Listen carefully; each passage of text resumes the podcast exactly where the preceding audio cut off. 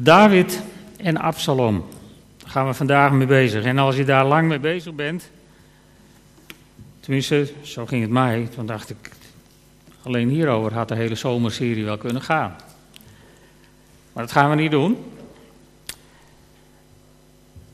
We gaan vandaag zien hoe, uh, hoe Absalom zijn broer niet wil vergeven.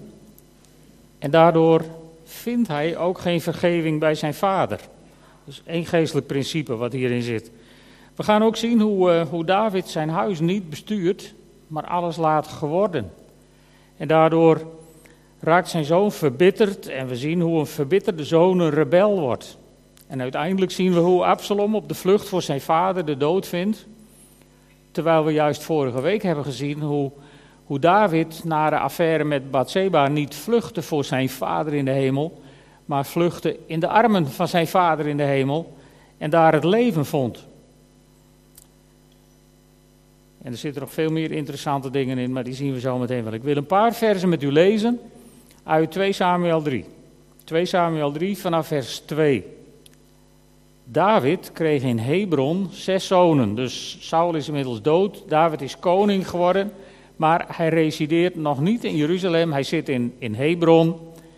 En uh, daar krijgt hij zes zonen. De oudste was Amnon, een zoon van Achinoam uit Israël.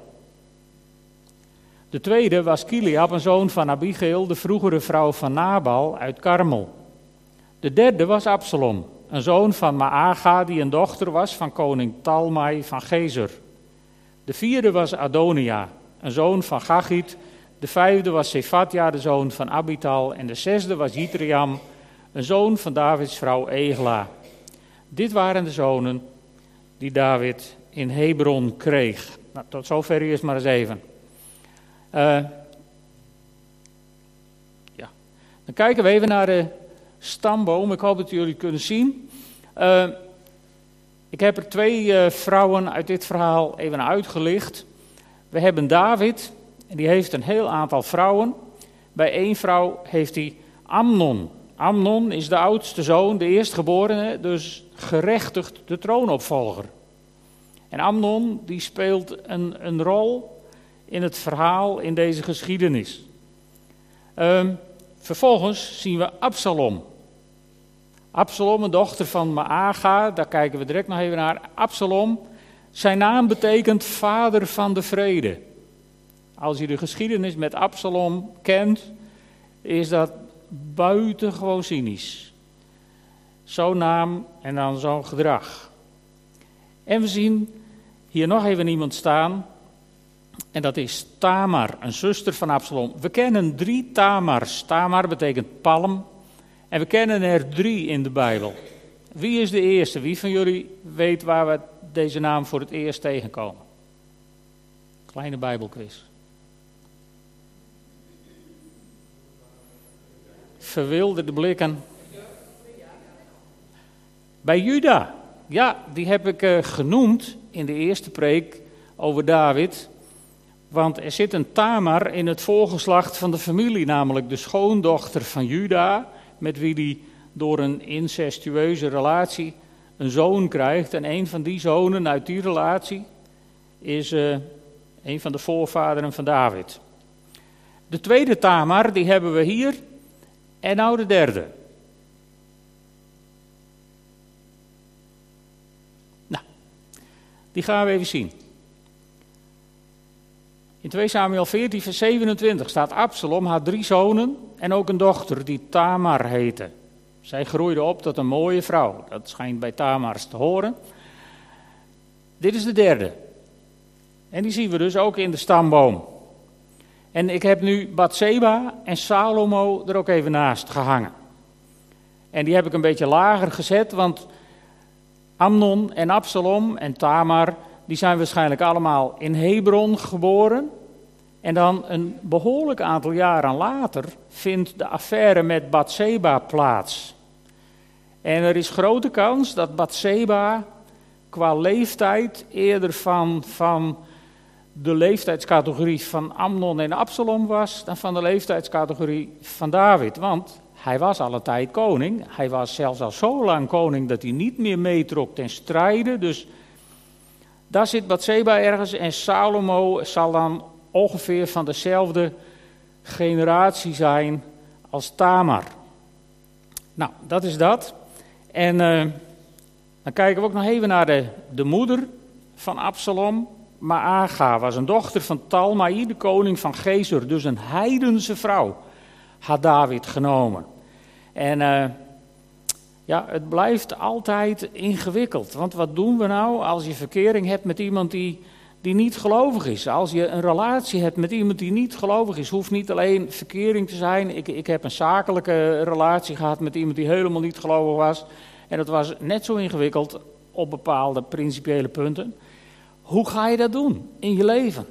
Lastig. David, die begint eraan en, en hij krijgt kinderen bij haar. En uh, dat zijn Absalom en Tamar. Maar Maaga, er is nog een Maaga, nog iemand met dezezelfde naam. Eventjes buiten dit verhaal, maar om de stamboom even af te maken. In 2 Kronieken 11, daar lezen we over Rehabiam. En wie was Rehabiam? Was de zoon van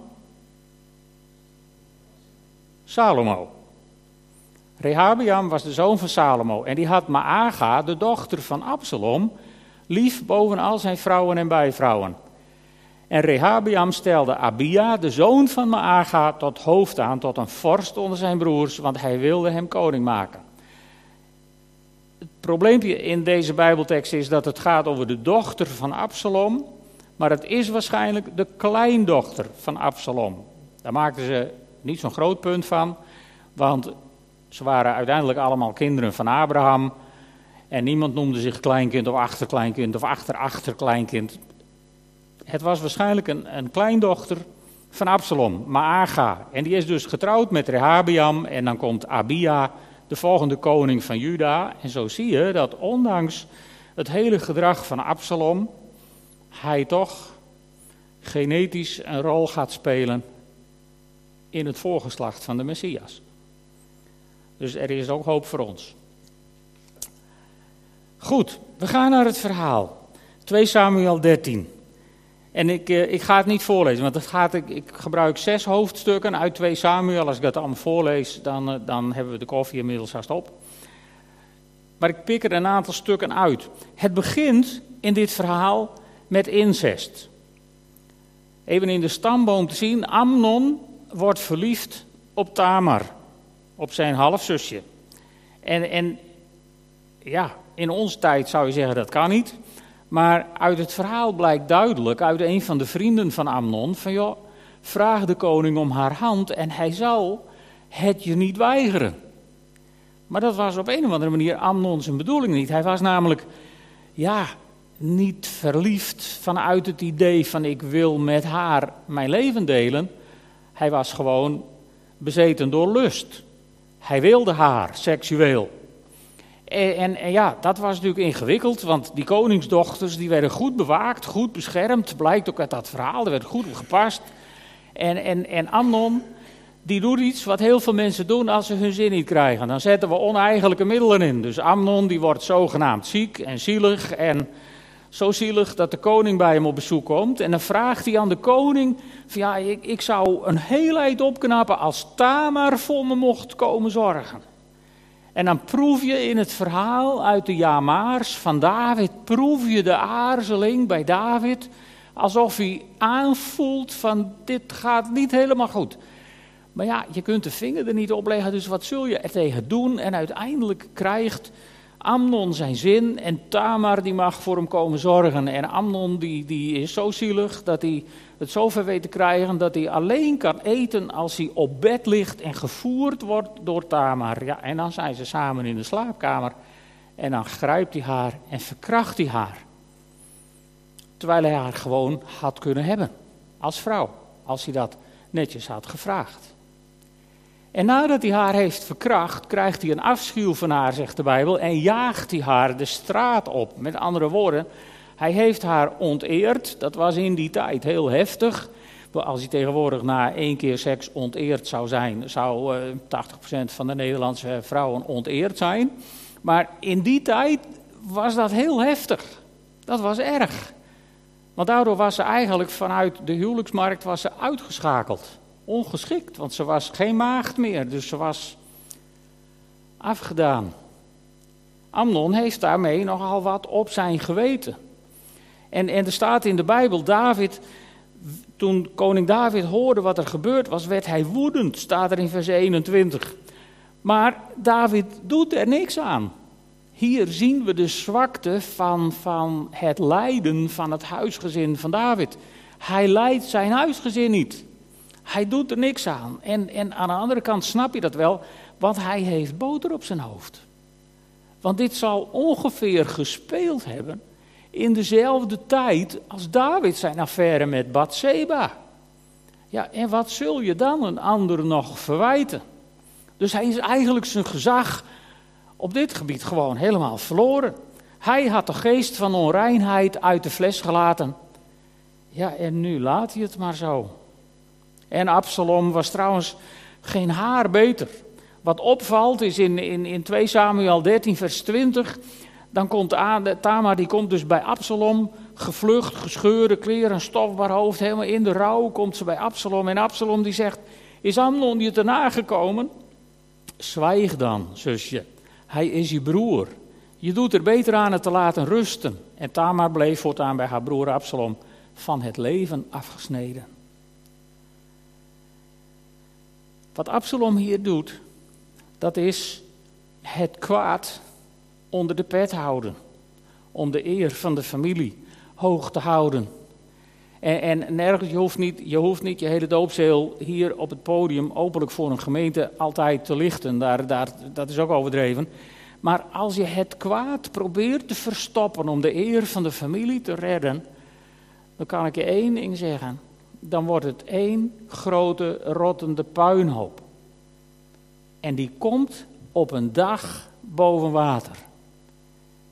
En dat komt altijd boven water op een dag dat het je niet past. In een gezelschap waar je dat nou net niet zou willen. Dit is het stomste wat je kunt doen. Vandaag de dag in je leven en ook toen.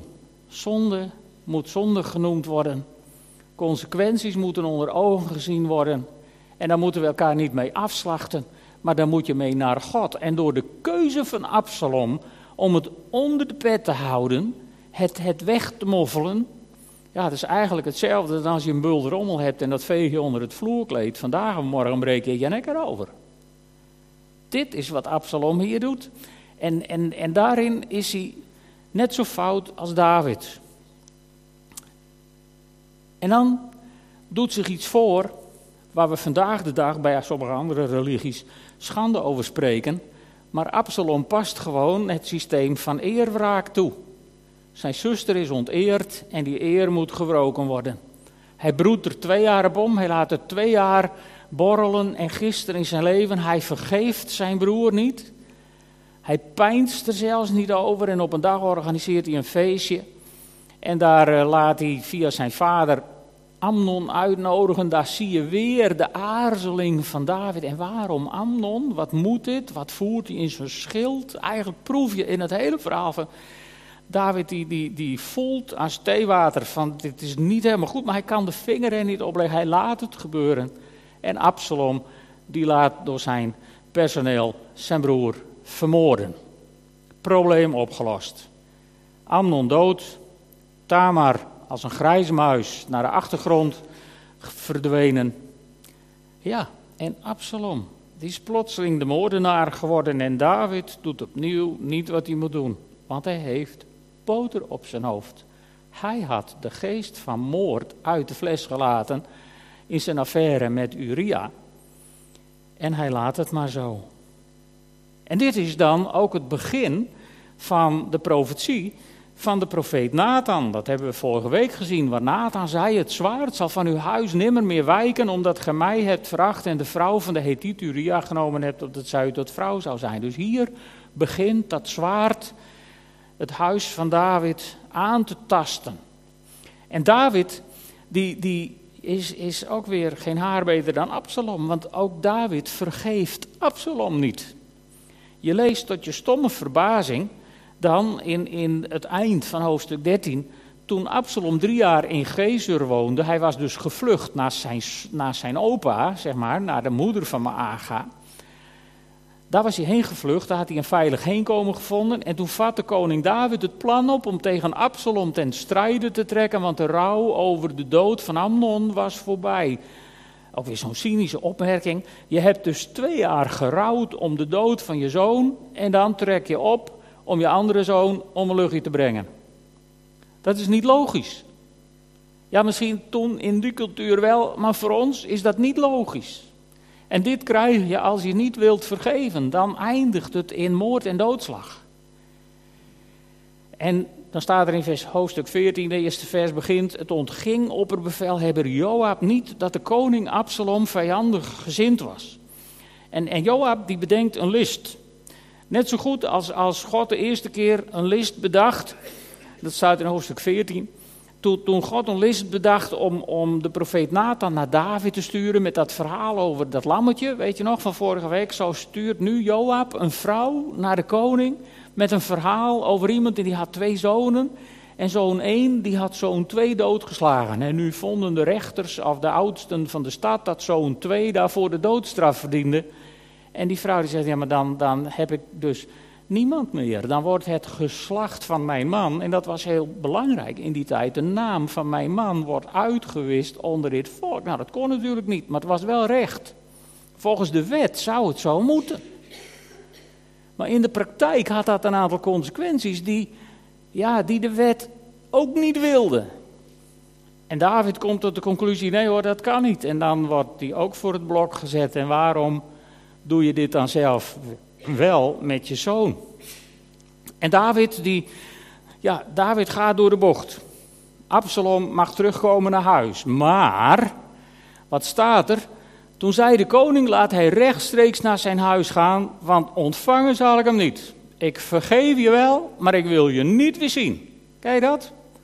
Dat gebeurt nog steeds onder mensen. Ik vergeef je wel, maar eh, ik wil je niet weer zien. Dat is voor ons nieuwtestamentische gelovigen is dat heel lastig. Want de Heer Jezus heeft ons geleerd om te bidden, vergeef ons zoals wij vergeven. Maar als jij nou vergeeft op de voorwaarde ik wil je nooit weer zien, dan zeg je dus in dit gebed tegen God, Heer vergeef me en wil me nooit weer zien. Maar wat gebeurt er als God je nooit weer wil zien? Daar ben je voor eeuwig verloren. Dus let op wat je bidt. Hè. Als je ruzie met iemand hebt en iemand niet wil vergeven, denk drie keer na voordat je deze zin uitspreekt. Vergeef mij zoals ik vergeef. Nou, David vergeeft helemaal niet. David die blijft boos en Absalom, ja, die, die, die, die is er niet mee eens. En die raakt verbitterd. En Absalom die vraagt, die vraagt of Joab bij hem langs wil komen. Want ja, Joab heeft hem uiteindelijk naar huis gehaald. En Joab die denkt van het is goed met die familieveten, ik bemoei me er niet mee. Dus wat denkt Absalom? Die denkt van nou, hier naast me staat een mooi graanveld van Joab en die steekt dat graanveld in brand. Zo van nou komt Joab, nou komt hij vast. En dat klopt, Joab die komt. Natuurlijk boos, opgestreken zeil. En dan, dan stuurt Absalom Joab naar de koning en die zegt: Vraag nou eens aan de koning, waarom ben ik eigenlijk uit Gezer teruggekomen? Het was veel beter geweest als ik daar maar was gebleven. Ik wil nu dat u mij ontvangt. En als mij iets te verwijten valt, laat me dan ter dood brengen. Dus Absalom is er helemaal klaar mee. En terecht. Want wat, wat zie je hier gebeuren? Als hij iemand niet vergeeft, ontstaat er een bittere wortel. Waar Hebreeën tegen waarschuwt. Die bittere wortel is bij Absalom ontstaan. En dat is ook de reden, denk ik, waarom Paulus vele jaren later aan de gemeente in Efeze schrijft. En gij vaders, maar het geldt ook voor moeders, verbitter uw kinderen niet, maar voed hen op in de tucht en in de terechtwijzing des Heren. Verbitter je kinderen niet. Maar ja, voed hen op in de tucht. Daar hebben we in de loop van de geschiedenis wat van gemaakt, hè, van die tucht brandstapels, verdrinkingen, ophangingen. Eh, spaar de roede niet. is heel populair geweest, ook in christelijke kringen. Je kinderen mishandelen, geestelijk of lichamelijk. Maar dat is geen tucht. Tucht heeft niks te maken met straf en tucht heeft niks te maken met mishandeling. Tucht heeft ermee te maken dat je met je kind in gesprek gaat in de hoop dat het kind gaat zien wat er anders moet. Het risico is dat je als ouder in dat gesprek misschien ook ontdekt wat er anders moet. Hè? En daarom was die oude methode van de knuppel, die was natuurlijk makkelijker. Maar ja, dan was je altijd baas in huis. Maar of het nou altijd zulke gelukkige kinderen heeft geproduceerd, dat mag u zelf over oordelen. Maar we hebben tucht in de kerk en in gezinnen heel lang verkeerd begrepen. Het heeft niks te maken met straf of met mishandeling. En terechtwijzing heeft ook niks te maken met afwijzing. Weet niet of u het wel eens gezegd heeft. Het is mij waarschijnlijk vroeger wel eens uit de mond gevallen. Tegen je kinderen zeggen: Het wordt nooit wat met jou. Dat is geen terechtwijzing, dat is pure afwijzing. En in je boosheid gebeurt het gauw, hè? Je mag best boos zijn, maar de Bijbel zegt niet voor niks zondig. In je boosheid niet. Wacht, zet een wacht voor je lippen. Verbitter je kinderen niet. Nou, en David, eigenlijk staat er niet, David mishandelde Absalom niet. Hij zei geen lelijke dingen tegen hem, hij negeerde hem gewoon. Misschien nog wel de ergste vorm van afwijzing die je kunt bedenken. Hij wilde hem niet zien. Maar goed, het komt goed. Absalom mag naar huis, de koning die kust hem, die omarmt hem. En dan... Uh, dan zien we toch dat die verbitterdheid leidt tot rebellie. En dan landen we in hoofdstuk 15. Absalom respecteert zijn vader niet. Hij denkt dat hij het beter weet. Absalom is een knappe kerel geworden, mooie verschijning. En Absalom die, die laat een wagen maken met paarden ervoor en 50 ruiters om hem te begeleiden. Dan denk je, nou ja, en als hij dat leuk vindt, er zijn ook mensen die vinden paardrijden vandaag de dag leuk, maar daar gaat dit niet over, hè. Dit gaat erover, stel je even voor dat prinses Amalia een gouden koets laat maken. Met net zoveel Friese paren ervoor als die andere. En een hele afdeling van het leger eromheen. En die denkt, weet je wat, ik huur op Prinsjesdag ook een zaal. En ik maak ook een rijtour door Den Haag. En dan ga ik vertellen dat ik het veel beter zou doen dan mijn vader en het huidige kabinet. Nou, Nederland was te klein als het gebeurde. Dat is wat hier gebeurt. Absalom rukt zich een koninklijke uitrusting aan. Daarop laat hij zich door de stad vervoeren. En hij gaat in de poort staan. Om alle mensen die op weg zijn naar de koning om daar hun probleem te bespreken. Die gaat hij vriendelijk ontvangen en zegt: Ja, als je bij mij zou komen met je probleem, zou ik het veel beter oplossen dan de koning. En je maakt mij niet wijs dat David dat niet heeft geweten. Hij laat het vier jaar lang, laat hij het geworden, zegt de Bijbel. Vier jaar lang Doet hij niks, treedt hij niet op, hij laat het gewoon op zijn beloop. En dan is de tijd rijp voor de opstand. Dan, uh, ja, dan gebeurt er iets. Nu moeten de kinderen die moeten hun oren maar even dicht doen. Maar dan gebeurt er iets, iets heel, heel aparts. Want wat gebeurt er? Wel, de profeet Nathan had geprofeteerd. Dit zegt de Heer: Je eigen familie zal een bron van ellende voor je worden. Nou, dat was inmiddels al zo. En hij zegt tegen David: Je zult moeten aanzien dat ik jouw vrouwen aan een ander geef, aan iemand van je eigen familie. Die zal met je vrouwen slapen op klaarlichte dag. Jij hebt het in het diepste geheim gehandeld, maar ik zal dit laten gebeuren ten overstaan van heel Israël in het volle daglicht. En in hoofdstuk 16, daar wordt op advies van, uh, hoe heet die ook alweer?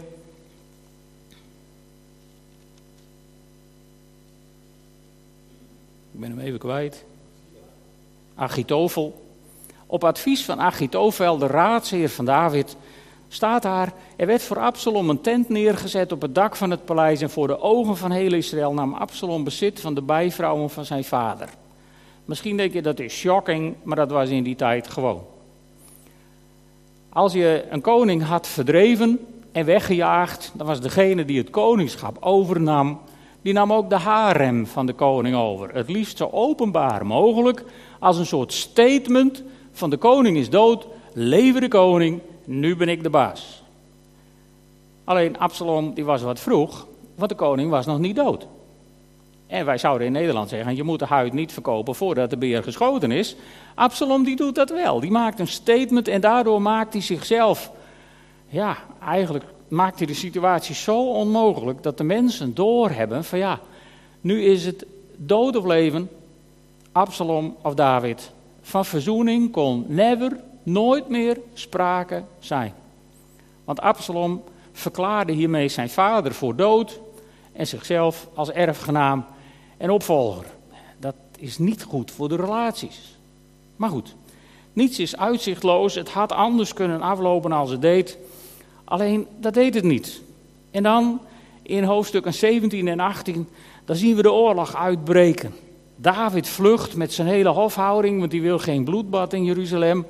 Maar goed, Absalom zet hem achterna en ze komen elkaar toch tegen met twee grote legers. En er breekt een bloedige strijd los. Maar voor die strijd gebeurt er iets heel bijzonders. Dit heeft me heel, ja, heel diep, diep geraakt de afgelopen week toen ik dit, toen ik dit las. In hoofdstuk 18, in vers 5, daar staat, de NBV heeft het heel mooi vertaald. Ik moet zeggen, dit is hartverscheurend. Want David die geeft aan zijn generaals, geeft die opdracht, treed niet te hard op tegen mijn jongen, tegen Absalom. Dan moet je even indenken van als wij richting God moeten en we hebben zonder God geleefd en alles gedaan wat onze lieve verboden heeft en je zou richting troon van God moeten, dan zou je toch met knikkende knieën naar God naderen en jezelf realiseren van ik ben benieuwd of hij me ophangt of doodsteekt of wat anders bedenkt. Want ik heb de dood verdiend. En dan sta je voor je vader in de hemel en die doet zijn armen wijd en die zegt, mijn jongen, mijn meisje. Wat zou dat met je doen? Wat deed dat vroeger met je als jouw vader of je moeder tegen je mijn jongen, mijn meisje. Heb je dat wel eens tegen je horen zeggen? Jullie kijken allemaal zo ernstig. Wat deed dat met je? Dat smelt je toch helemaal? Of niet? En dat is wat God hier zegt. Dat is wat God hier zegt. En dan moet je even kijken wat Absalom inmiddels heeft uitgevreten. Hij heeft, hij heeft het misbruik van zijn zusje heeft hij onder de pet geschoven.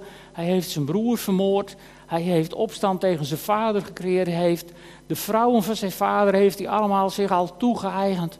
En David heeft het over mijn jongen. Mijn jongen. Wees niet te hard voor mijn jongen. En toen ik dat las, toen had ik het gevoel alsof God tegen de kerk zegt. Als wij het hebben over tucht in de gemeente, alsof God bijna op zijn knieën voor de kerk ligt. Van wees niet te hard voor mijn jongen. Wees niet te hard voor mijn meisje. Laat genade toch alsjeblieft in je woordenboek staan en een plaats hebben in, in deze geschiedenis. Maar dan komen we in het verhaal ook Joab tegen.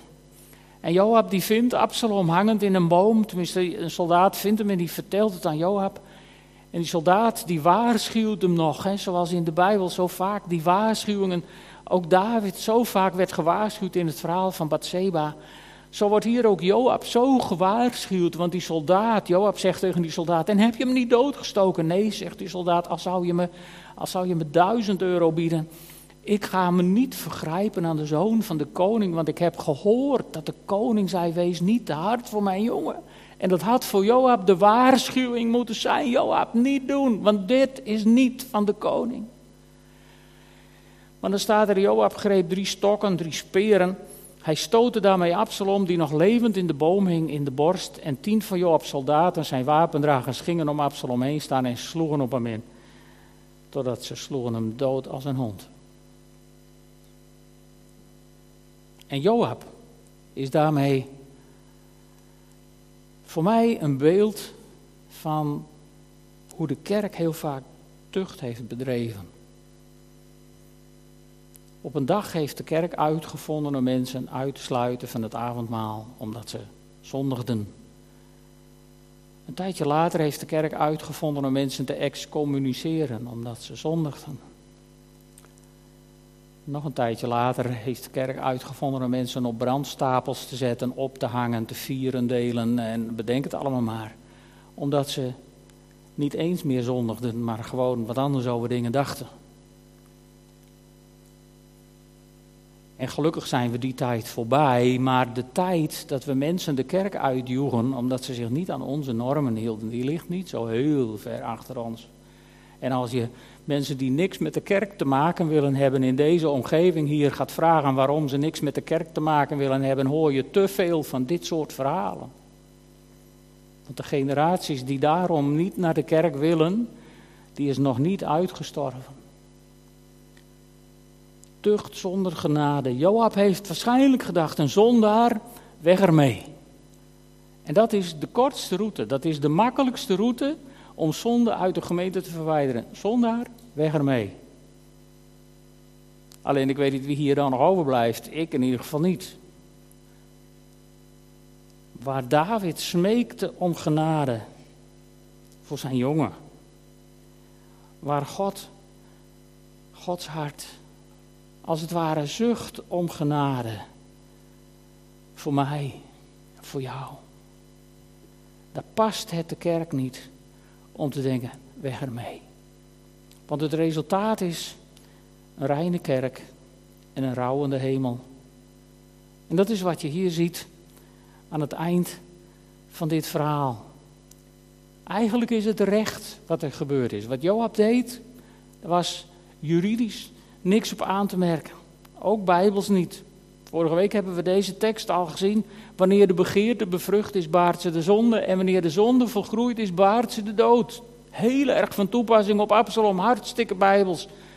Dat Joop hem doodstak.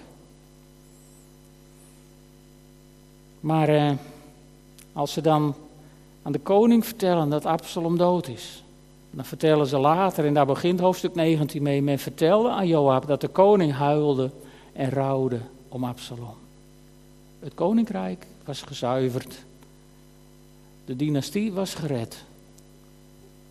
En het hof was in rouw. Is dat wat we willen? Of is de plaats voor genade? De profeet Ezekiel, die zou het een paar honderd jaar later zeggen. Zo waar ik leef, luidt het woord van de Heere, Heere. Ik heb geen behagen in de dood van de goddeloze, maar veel eer daarin dat de goddeloze zich bekeert van zijn weg en leeft. En lieve mensen, als wij speren in het hart van de goddeloze steken en hem doodslaan als een hond, zal hij zich niet bekeren. Ik weet dat het ingewikkeld is, want de Bijbel die geeft heel veel richtlijnen over hoe het zou moeten in je leven. Ik weet ook dat het heel vaak niet gaat zoals de Bijbel zegt dat het eigenlijk zou moeten. Maar wat ik in dit verhaal opnieuw vind, dat is een God die zich uitstrekt en die zegt: Wees niet te hard voor mijn jongen, voor mijn meisje. En dat zal hij ook zeggen als ik aan de beurt ben, of als jij aan de beurt bent. En misschien moeten we dat ook naar elkaar steeds verder gaan leren. Zullen we gaan staan en een moment bidden?